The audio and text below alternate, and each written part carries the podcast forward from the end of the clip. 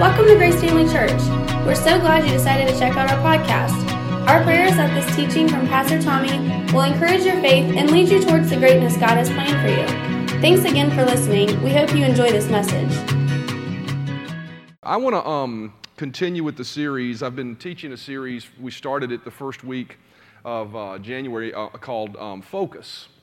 And I want to continue with this series entitled Focus. Um, and I want to I want to hone in on a specific area that can help us focus as we look to Jesus and look to try to grow, uh, do, do what we can do on our side to make ourselves more aware of His presence and more aware of who He is and to become more like Him. And so um, we've used here Matthew chapter 6, verse 22 and 23 as our foundational scripture uh, for the series. And so let's read that and then let's just pray and believe God that he'll give me the words and just lead me and guide me as I move through this message. Matthew chapter 6 says, verse, in verse 22 says, The light of the body is the eye. If therefore thine eye be single or focused, thy whole body shall be full of light. But if your eyes are not focused, how profound will be the darkness? Let's pray. Father, we thank you so much for your presence. We come together as a church family before you to ask you to speak to us. I ask you to use me uh, to speak to your people. I recognize the responsibility I have to do my best to just say what you would have me say. And so I do ask you to use me and help me um, not give any opinion, any uh, uh, tradition, any religion, but just simply bring the word that the Holy Spirit wants to speak to us today. And I thank you for the heart of your people being prepared to hear what it is that will help us grow in our relationship with you and become more like you. I give you praise and thanks for that. In Jesus' name, amen. Um, you know, we titled this series Focus, and, and uh, you know, really what we've been talking about is um, what should our focus be as we uh, make our plans, you know, we, uh, and we look at our goals for the upcoming year. Um, you know, we talked about really what's the why for what we're doing. And so, you know, we've been uh, really taking a look at that. What should be the goal of everything that we do? Um, it's one thing to do something, but when you have a purpose and a passion about it, that's a little bit different. And that, that, that purpose and passion comes from the answer to why am I doing this? Um, and, and so I want to talk, you know, we've been talking about the why of, of, of everything we, should, we do. What, what does the Bible say that why should be? Hebrews chapter 12, verse 1 and 2 says, Let us lay aside every weight and the sin which doth so easily ensnare us and let us run with endurance the race that is set before us. And this, this next phrase stands out looking unto Jesus. Looking unto Jesus. It talks about looking unto Jesus, the author and finisher of our faith. And so when we talk about focus, that's a, a word related to, to our eyesight, it's a, it's, a, it's a word related to our vision. And it says that everything we, should, we do should be looking unto Him, should be focused on him and so the why to all of our what's we're doing what we're doing should always be it should always end in this because it will help me draw closer to Jesus or help others draw closer to Him. That should be the goal of everything we do. And we pointed out that the reason God tells us He wants us to have that as our goal is not to whip us into shape. It's not to get us under his thumb. It's not to bring us, you know, into alignment with, you know, this is who I want you to be, right? Um, uh, but it's actually a specific reason for it. Jeremiah chapter 31 and verse 3 says, The Lord has appeared to me of old, saying, Yes, I have loved you with an everlasting love. Therefore, with loving kindness, I have drawn you. The purpose and the reason God wants us to make Him the goal is so that we open our hearts up for Him to love us more. Not to, not to put His thumb on us and, and, and turn us into something we don't want to be or to turn us into something that, you know, He says, this is who you should be but it's really to bring us into a position where we are most sensitive to Him, we're most aware of Him, we're realizing most of what He wants for us so that He can love us unconditionally the way He desires to do that. And so last week we said one of the ways we can put ourselves in positions to be more sensitive to His Spirit. To open our hearts up to, for Him to be able to see us and, and, and love us and care for us more is to do exactly what that verse said. It says, Let us lay aside every weight and the sin. And so, two of the things that we can do to make ourselves more sensitive to God is to lay aside the weights and the sins. And we said weights were, you know, they're not the things that are really sin, they're different. Weights aren't sins, and sins aren't weights. Weights are the things that slow you down. If you think about you know, putting ankle weights on your, uh, on your ankles when you're running a race. You'll run that race slower. And so, you know, when he says lay aside the weights, he's saying lay aside those things that aren't necessarily sin. You could do them, but they may not be the most conducive in helping you grow in your relationship with the Lord. Lay those things aside. And sometimes we're called to do that temporarily, sometimes we're called to do that permanently. And so there's sins we're to lay aside. And then the other thing, I mean, there's weights to lay aside. And then there's sins. And what are sins? Those are the things that are just directly disobedient to God's word.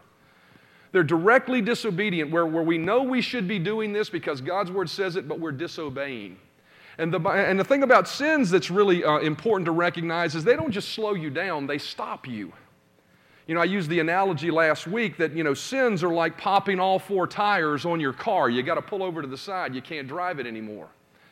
And so it's important for us to uh, lay aside those things that stop us in our progress of becoming more sensitive to His presence and more sensitive to His love and His care and His character and who He is. And so it's important to recognize that. And so the goal is to actually lay aside weights, lay aside sins. And as we do that, we need to always remember this that in laying aside our weight and our sin, what we're really doing is we're just making ourselves more sensitive to the presence of God that is already in our lives. How many of you realize when you sin, as a believer, you don't separate yourself from God, you break your fellowship with Him? And there's a difference. Now, a person that's lost and a person that's never accepted Jesus Christ as their Lord and Savior, they're not a child of God. You know, they, they're separated, they're truly separated from Him by their sinful nature. And, and, and, and because of that, you have to come to God and you have to repent and ask for forgiveness and accept the free gift of salvation, confess Him as your Lord. And when you do that, the Bible says He makes you a new creation. You become a child of God. And He says, I will come to live in you, I will walk in you, I will move in you, I'll be a part of your life. And so, as a believer, once we've accepted Christ, how many of you realize that the, the, the, Holy Spirit is in you and with you? And He said in His Word, we saw this last week, He will never leave you, never forsake you. And so we're talking about growing closer to Jesus. We're not talking about positionally, you know, walking a path like you're climbing a rung of ladders to get to Him because He's with you right now. You realize He's living in you right now? He's amongst us right now? He's in our midst right now? You want to know why we may not sense Him as much as we could? Because we have to learn to be more sensitive to Him. We have to become more spiritually minded and less carnally minded. And so when we talk about laying aside the weights and the sins that so easily beset us, we need to understand that even right now, if you've accepted Christ as your Lord and Savior, but you've been living out there in sin, you need to know something. He's been out there in the midst of it with you, you just haven't recognized it. Not living it, not acting it, not doing it, but He's right there in the passenger seat if, saying, If you would just open yourself up to me and say, You're sorry. And that's what we learned. The beautiful thing about the blood of Jesus is, is that when we ask God to forgive us, it says He's faithful and just to forgive us of our sins and restore our fellowship. I always like to acquaint it uh, this way. Uh, you know, uh, we got a bunch of married people here, right? You ever been sitting in the same room with your spouse, but you know something isn't right between the two of you because you ticked them off? They're still there, right? They haven't left, right? Just the fellowship needs to be restored. Well, how do you do that? Just say, I'm sorry. Just say, man, I am so sorry. Please forgive me. You know, that's much more intimate than repentance as we've looked at it traditionally or religiously, right? Because repentance traditionally religiously is some attitude of, you know, coming before God and rending our souls so that He'll take us back. But forgiveness with God, we need to understand this about Him because He loves us so much. And He said, I'll never leave you and forsake you. All I'm asking you to do is just say, Look, I'm sorry that I've hindered our relationship. Please forgive me. And He's always there, passionately saying, I will forgive you. It's okay. I love you. I don't judge you. That's who God is, and that's what He said to us. And so, one of the things we've done as a church last week, we announced a time of where we're setting aside, you know, a period, 21 days of fasting and prayer. We're six days into it. 21 days for us to take something, and one of the things we ask you to do, and if you haven't done that, just jump in now. Do 15 days with us, right? I mean, uh, take, just set aside something. Find something in your life that, that is distracting you from your relationship with God. That, you know, I, as me and my kids talk through this, you know, for them It was, I'm gonna, one of them was, I'm going to just eliminate this game that consumes a lot of my time, and instead of playing this game, I'm going to I'm going to spend time seeking God, reading the Bible more, reading books about God more. That's the kind of thing we're talking about. We're not talking about going on some, you know, 21 day, you're not going to eat anything for 21 days. I mean, if God leads you to do that, more power to you.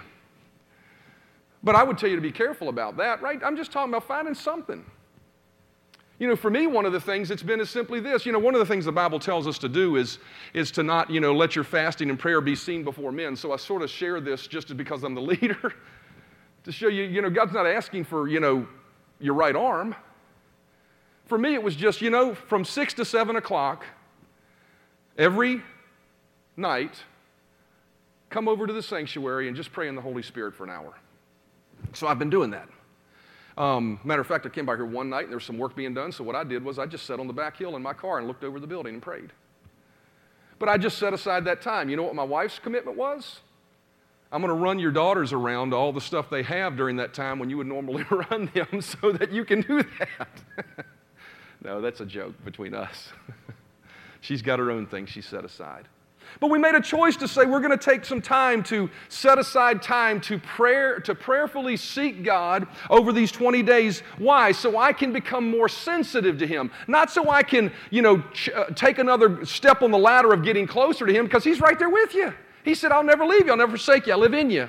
But so that we can become more sensitive to his presence. It's amazing to me as I've moved through this process even in my own life because I spend every week seeking God and looking at the Bible and preparing messages. But as I've spent this time, it's amazing to me how clear it's been to me that He's always there.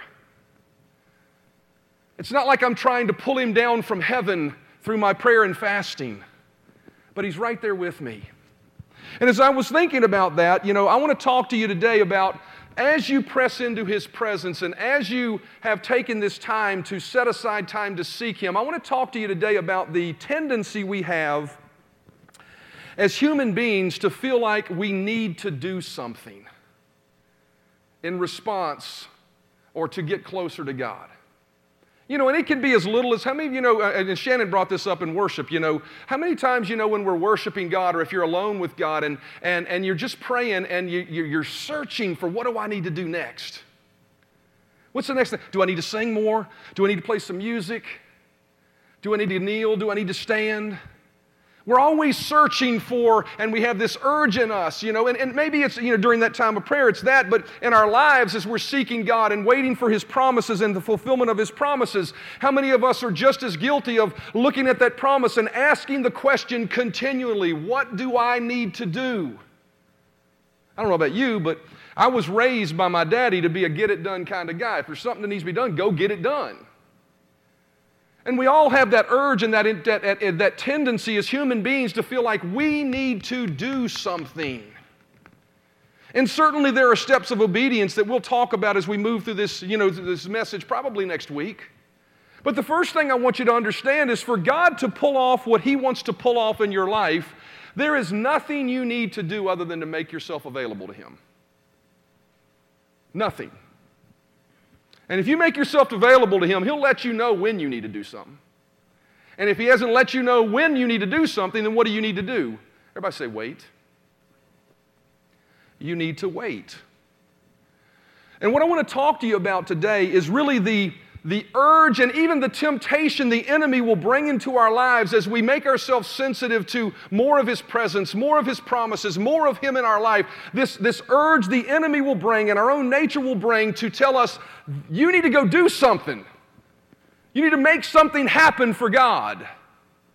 You know, as we look at Jesus, you know, if, when he started his ministry, you know, he was baptized by John, uh, he was raised out of the water, the Holy Spirit fell upon him, and then what did he do? He, uh, what did he, it says he went into the wilderness for a time of prayer and fasting. And you know, it's interesting to me as he went into the wilderness for a time of prayer and fasting, the enemy came and tempted him. And, and you know, those three things, eh, they tempted him three times. And, and we could look, as we look through Matthew chapter 4, we could look at the nature of those three temptations and what they represented and how they represent sort of the physiological and, so, and spiritual makeup of man, and how in those three temptations, Jesus addressed every temptation uh, with respect categorically to what we would face in our life. But I don't want to go there with that. Really, what I want to take a look at is taking a step back from those three temptations. And what stood out to me was every one of those temptations that Jesus faced were a temptation for him to do something, for him to move when he should have been waiting for him to, in his own strength, how many of you realize when Jesus came, he was God in the flesh, but the Bible says he laid aside his deity and he operated as a man, just like we do as born again believers. He was a God man, we are God inside men, right? And he operated as that man. And so he was tempted. What was he tempted to do? Remember the, remember the devil came to him and he said, First of all, make these stones bread, right? You do this. You make them bread. You do something.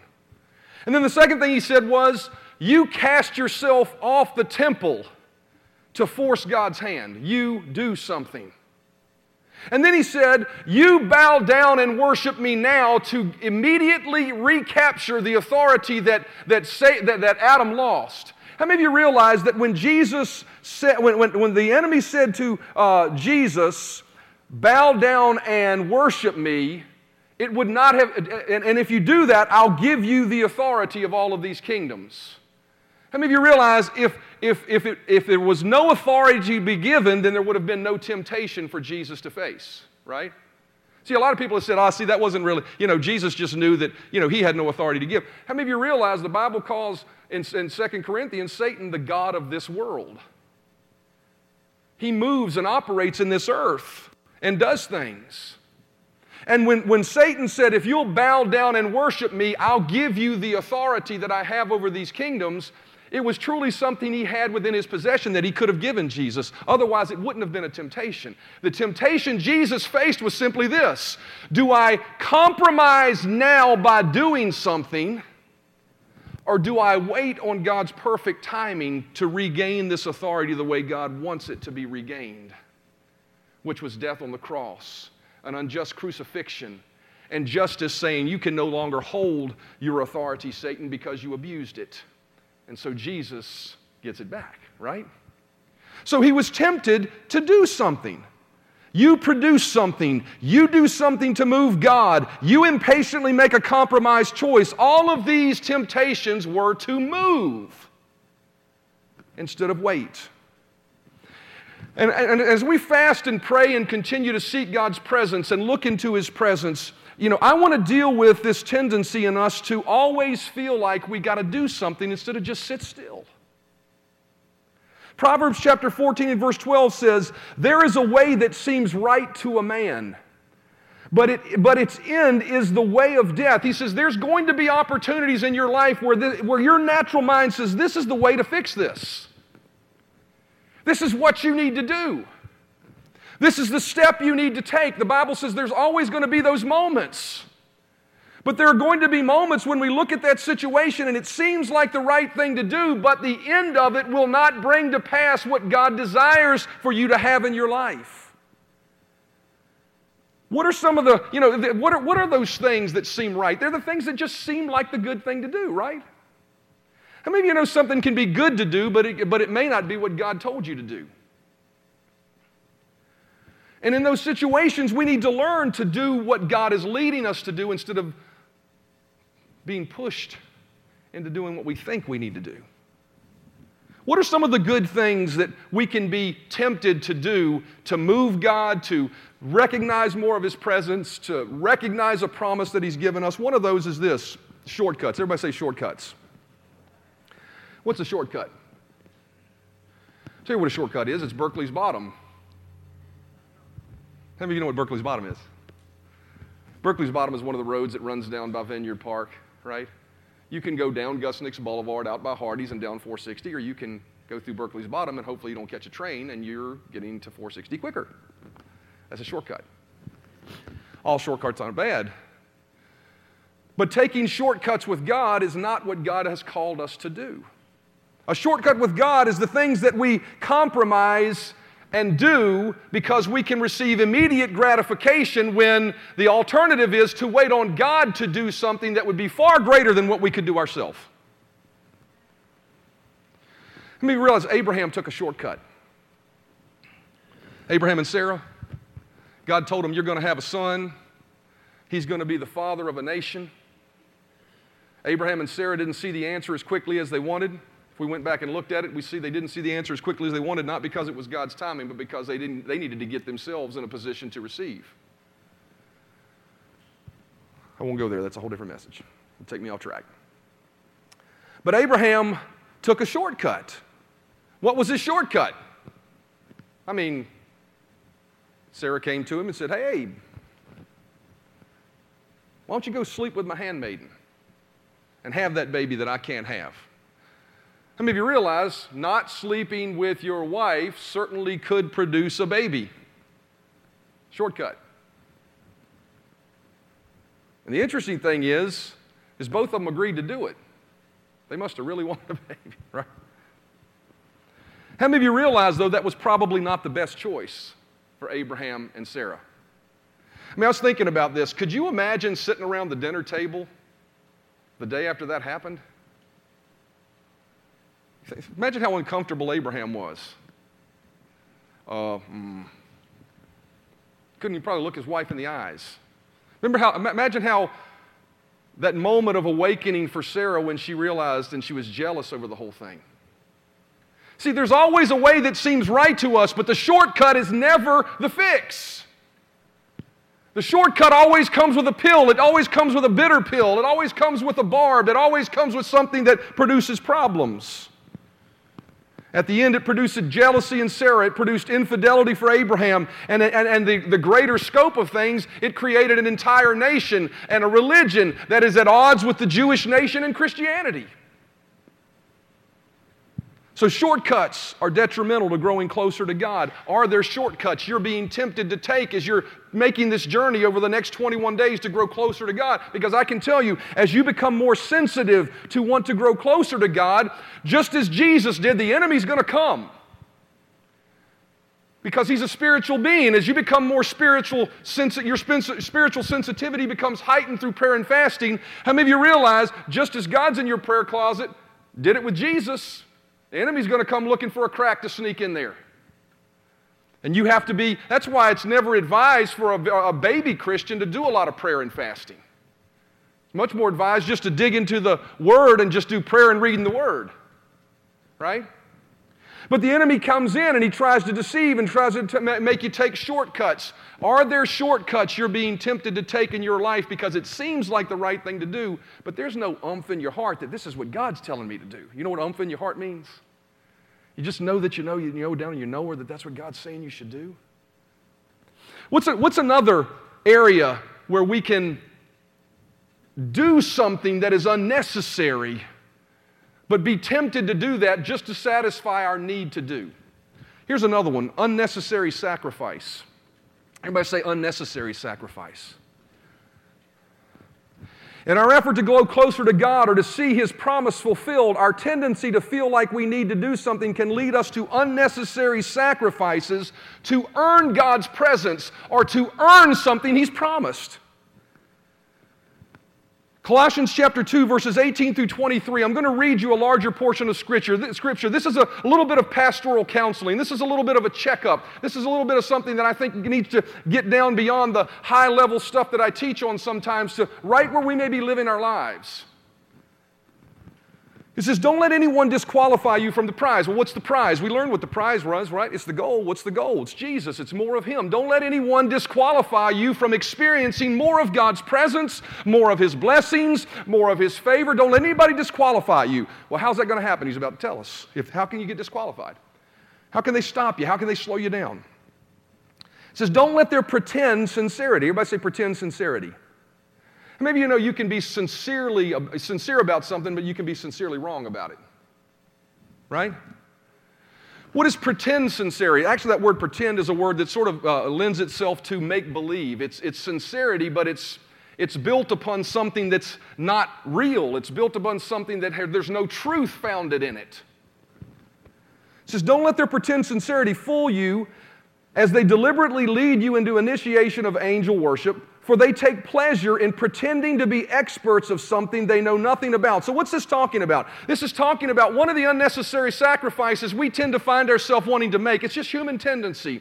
Is we tend to want to gravitate towards that, that, that teaching, that thought, that thing that is, that is fringe, that nobody's ever seen before, but I just discovered, and I've got to embrace this sacrifice in my life if I want to grow closer to God. I'm going to tell you something. The Bible says this there's nothing new under the sun. There's new revelation that can come to you. There's new truth that can come to you. But the truth of the matter is, is God will never, never take you outside of the guidance He's given you in the hard and fast written Word of God. And what we find here is that many times people will, based, and we'll see this in a minute, based on their own opinions, develop a mindset of this is what you need to do to realize God's promise. How many of you realize if God tells you, I will do this for you, the only thing you need to do to receive that is to do what? Believe it and obey Him when He tells you to do something.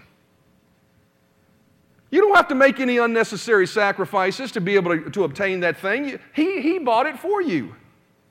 Goes on to say their reasoning is meaningless and comes only from own opinions. They refuse to take hold of the true source. It's not founded in the Word. Jesus said, Thy Word is truth. Notice it goes on to say, but we receive directly from him. What does that say? What does that? T- I mean, that's very much in your face. We need to really think about what that's saying for a moment. What he says is, is when God wants to do something in your life, he wants to directly do it for you. He doesn't want you to go out and earn it. He doesn't want you to go out and make it happen.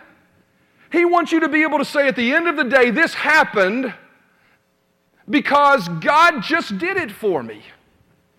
Does, it's not an excuse to be lazy. Next week, we're going to talk about praying and obeying and how to know what is God and what is not. But what I want to stress today is, is that if you're being challenged right now in your pursuit of God to make an unnecessary sacrifice,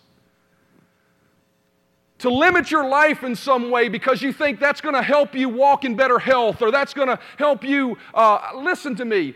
I'm not talking about not using wisdom. I may be getting ahead of myself. But what I am talking about is, is if your hope is in what you're doing instead of who He is, your hope is in the wrong place for your promise and His presence. Goes on to say, it says, But we receive directly from Him, and His life supplies vitality into every part of His body through the joining ligaments connecting us all in one. He is the divine head, notice this, who gives his body and causes it to grow, notice this, by the supernatural power of God. Everybody say supernatural power of God.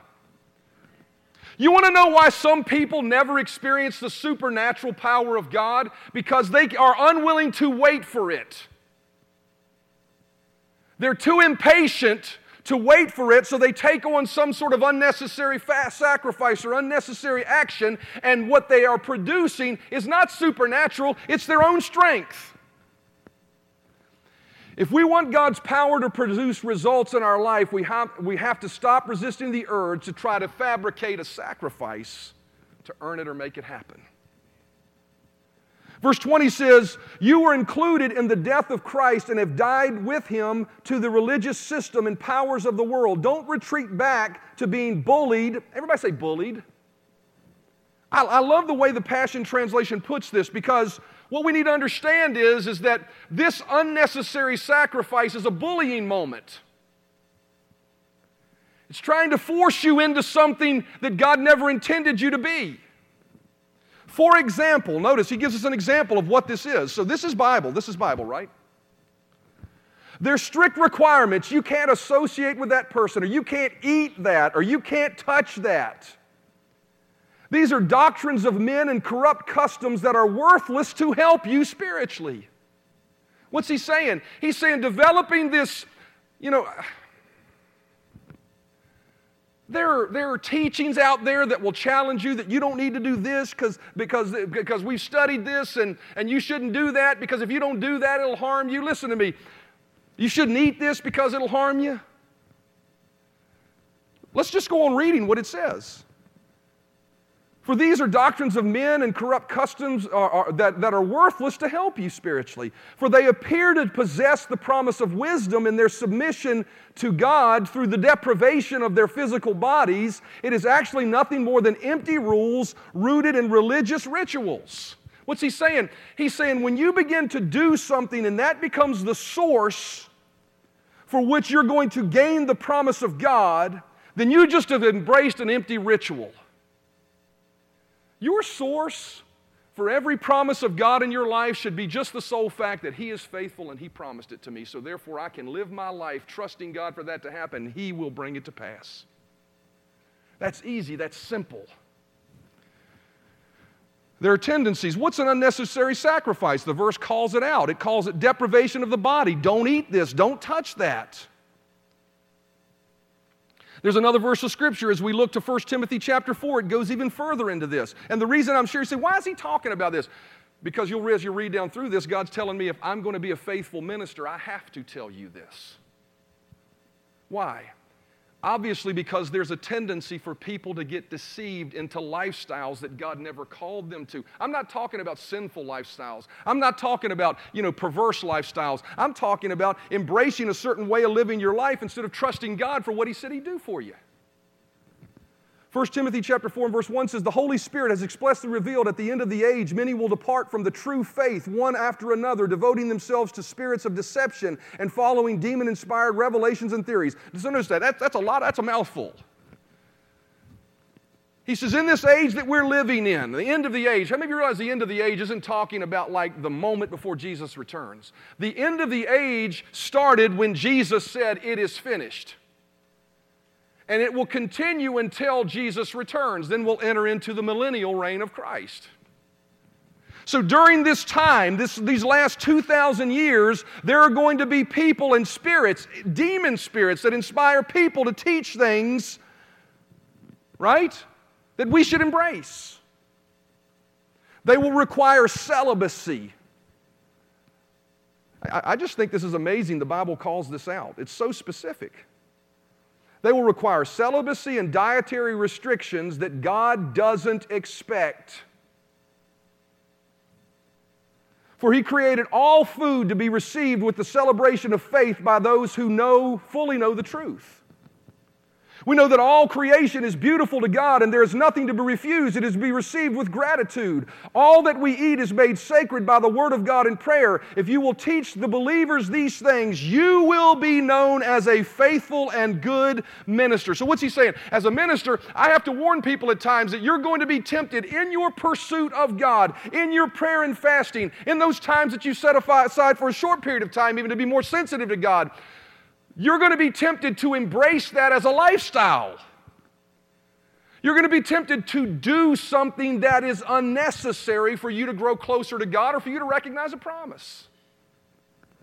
You know, there are people that walk around afraid to eat certain things because they feel like it's going to harm them. The Bible tells, and they eliminate whole sects of what they can eat that could be providing specific types of nutrition that nothing else could.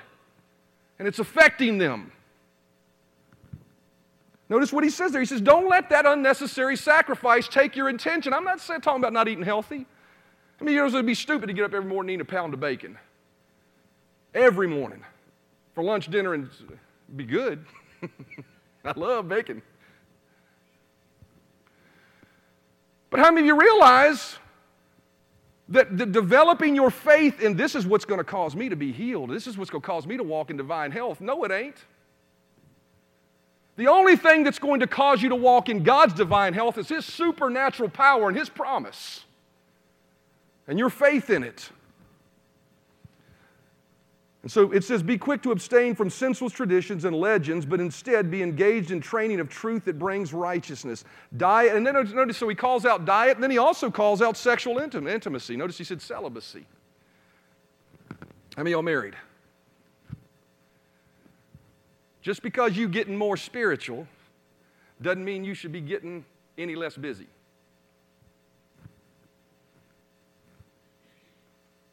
Come on, can I get an amen, all the men in the house? And all the women in the house. The Bible says that, that sexual appetite is something God has given us, and within the confines of marriage, it should be used. And so the Bible even talks about during times of prayer and fasting, it's okay to set aside some time, but it says pretty quickly, come back together. Right?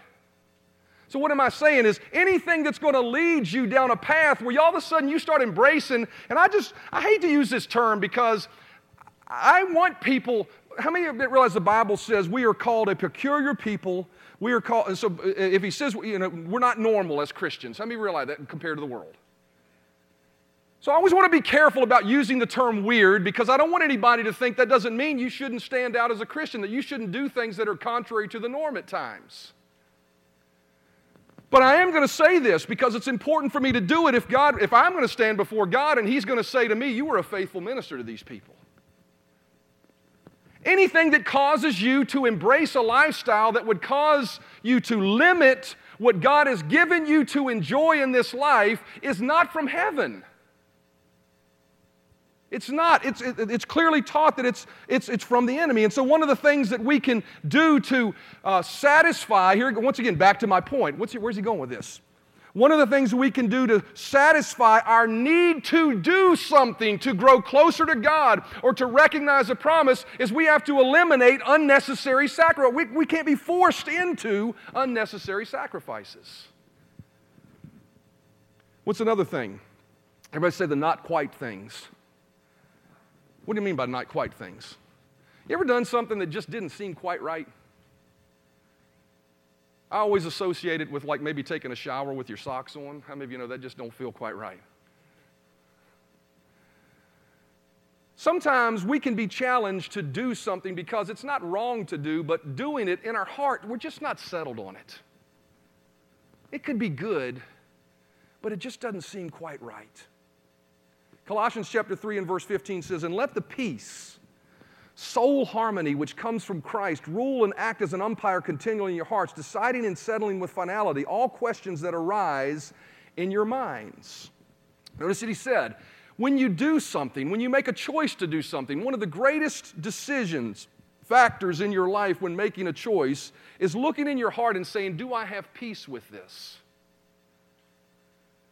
Is my heart settled that this is the right thing to do? You know, oftentimes we can be pushed into doing something when our heart isn't settled that this is the right thing to do. We can be pushed by circumstance, we can be pushed by others, we can be pushed by our own need to feel like we need to do something. All of these are shortcuts. All of these are unnecessary sacrifices. All of these are not quite things. But you know what the antidote for all that is? Everybody say, wait. Just wait. Be willing and have enough faith in God that if He wants to show you what you need to do, He will do it in such a fashion that you emphatically will know what it is. You know, I was sitting down at dinner with my wife this weekend, and I'm so grateful for a great, awesome wife. I was sitting down and I was talking to her about the church and some things, and you know, what do we need to do here? What do we need to do here? And she just said these words Well, you'll know when you need to know. I wanted to say, come on, it's harder than that. It's not harder than that. When it comes to following God, we need to be willing to wait until we know that we know it's what we need to do. You know, that applies to not only our lives, it applies to our seeking of God. I got to tell you, I spent an hour over here every night last week walking around the sanctuary, praying in the Spirit uh, for the church and just praying. You know what my mind raced that I put on some music. Sing a song. Do something, do something, do something, do something. And all the while, the doing something I had to feel like I had to do distracted me from just focusing on Him, just waiting in His presence. See, we're not called to take matters into our own hands. We're actually called to let matters out of our hands and give them to Him. Psalm 37 and verse 5 says, Commit thy way to the Lord, trust also in him, and he will do this. Who will do it? He will do it. I can, I can hear the get her done people in the audience saying, uh, in the congregation or who are listening saying, you know, uh, well, if, if I don't ever do anything, then it ain't going to get done. No, if you are sensitive to God, He'll tell you when you need to do something. But if you just run like a bull in a china shop in to do stuff and don't wait on Him, you're going to create more mess and you're going to produce something that God never intended. So the answer is wait. So, musicians come. I was contemplating waiting during some of that time of prayer this week. And the Lord led me to Acts chapter 2. Acts chapter 2 and verse 1 says, When the day of Pentecost was fully come, they were all with one accord in one place, and suddenly there came a sound from heaven as of a rushing mighty wind, and it filled the whole house. I want you to notice this last phrase where they were sitting. Everybody say, where they were sitting. You know, that, I, was, I was just, you know, we were praying in here and I was just, I just had my mind, you know, just focused on God. And I really, at, at that point, felt like the Lord was telling me, look at Acts chapter 2. It wasn't like I need to do something. But I was just waiting on him in my heart. Said, just go look at Acts chapter 2. So I opened the Bible to Acts chapter 2 and I'm reading this, and those, that phrase, they were sitting, leapt off the page to me. And I thought about those individuals. Days earlier, Jesus stood on a mount uh, uh, before he ascended into heaven and said, I want you to go to Pentecost and I'm going to pour out my spirit on you in a mighty way. The only thing he told him to do was just to go, go to the city and, and wait. That's what he said. And wait for the promise. Wait for the promise of the Father. Wait for the promise of the Father. You know, I thought about the, the, the, the tendency they may have had in their waiting. Well, we need to play a song. We need to say something. There you go. Now, that was definitely led. Isn't it great to have Shirley back on the keys? Woo! And Bev sitting there. I, I enjoy hearing his amens when I preach because when I, when I hear an amen from Bev, I know I hit something good. But you know, uh, I thought about these people in the book of Acts. He said, Go to Jerusalem and wait, and I'm going to do something spectacular. I'm going to do a miracle. I'm going to do something supernatural. I thought about the tendency of them to try to fabricate that. I, I got to tell you, you know, when, I, when the Lord spoke to me to start this church, it's still on the sign out there real people. I am, I am not interested in fabricating some fake or make believe move of the Spirit of God. I'm not, I'm not interested in that. I want the real thing. I want Him to show up and shake a building like He did in this, and, and I want that. And if I can't have that, I don't want it. And that's what this verse says. These people had that kind of mindset. They weren't fabricating, they weren't trying to create some great service. They were just sitting and waiting. You realize the fortitude and faith it took to just sit there and wait and do nothing? Just sitting. How often, how often do our times in His presence do we feel led to do something instead of just sitting in His presence in quiet reflection? How many times do we sell ourselves short of the greater move of God for the need to do something or say something? I got to sing, I got to have music, I got to read a book. When sometimes you just need to sit still in His presence, let it soak over you. I remember as I read that phrase, they were sitting. It filled the house where they were sitting. I heard the Spirit of God, not with an audible voice, just a still small voice on the inside of me say to me, Tommy, there's nothing wrong with waiting. There's nothing wrong with waiting. There's nothing wrong with waiting when He has told you nothing to do yet. We get antsy, but I got to know the answer. I got to know the answer. How many realize if God could bring angels to the shepherds and manifest them in the horizon to sing to them about Jesus, how many realize He can get your attention if He needs to? It just may be you're at a season in your life right now where He's saying, I just want you to wait. I believe this time of prayer and fasting is absolutely that for this church. God wants us to eliminate the noise, eliminate the things that distract, and just wait. Learn the pleasure of sitting in His presence and that being enough. Let me ask you a question. If you never did another thing, if He never did another thing, would, be, would sitting in His presence be enough for you? Let me tell you why it wouldn't be enough because you don't know Him well enough yet. Hmm. Isaiah 30 and verse 15 says, God the Master, the Holy of Israel, has this solemn counsel. Your salvation, your salvation, what is salvation? It's holistic. Whether it's your saving from your sins or saving from your situation, your salvation requires you what? To turn back to me and stop your silly efforts to save yourself. Your strength will come from setting, settling down in quietness and trust. The very thing you've been unwilling to do, you've said nothing doing, we'll rush off on horseback. You'll rush off all right, just not far enough. You said we'll ride off on fast horses. Do you think your pursuers ride old nags? This is the passion, or this is the message. Think again, a thousand of you will scatter before one attacker, before a mere five will before a mere five you'll all run run off. There'll be nothing left of you a flagpole on a hill with no flag, a signpost on a roadside with no sign torn off. But God is not finished. He's waiting. Everybody say He's waiting. He's just sitting there. Go do all your stuff. When you're done doing all your stuff, you find out it ain't working. When you're done restricting your diet and ain't bringing any better health when you're done worshiping God, you know, doing all these things in your worship and you're not seeing any advances, recognize I'm just right back here and I just, I just want you to just come sit on my lap and just be quiet for a little bit. Just rest a little bit. He's gathering strength to show mercy to you. God takes the time. Everybody say, takes the time. I think about wine. I'm not advocating the drinking of wine by saying this, but you know, so fine wine takes time. He's waiting around. God takes the time to do everything right. If it ain't quite, it ain't right for me. I don't want halfway. I don't want 80%. I want the right thing.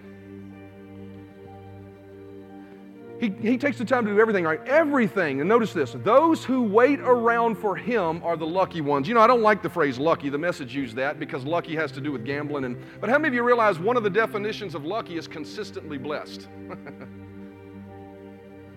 The people that are consistently blessed are the ones that have learned to wait. When you believe in God to turn your financial situation around, wait instead of borrowing that money. Can I get an amen?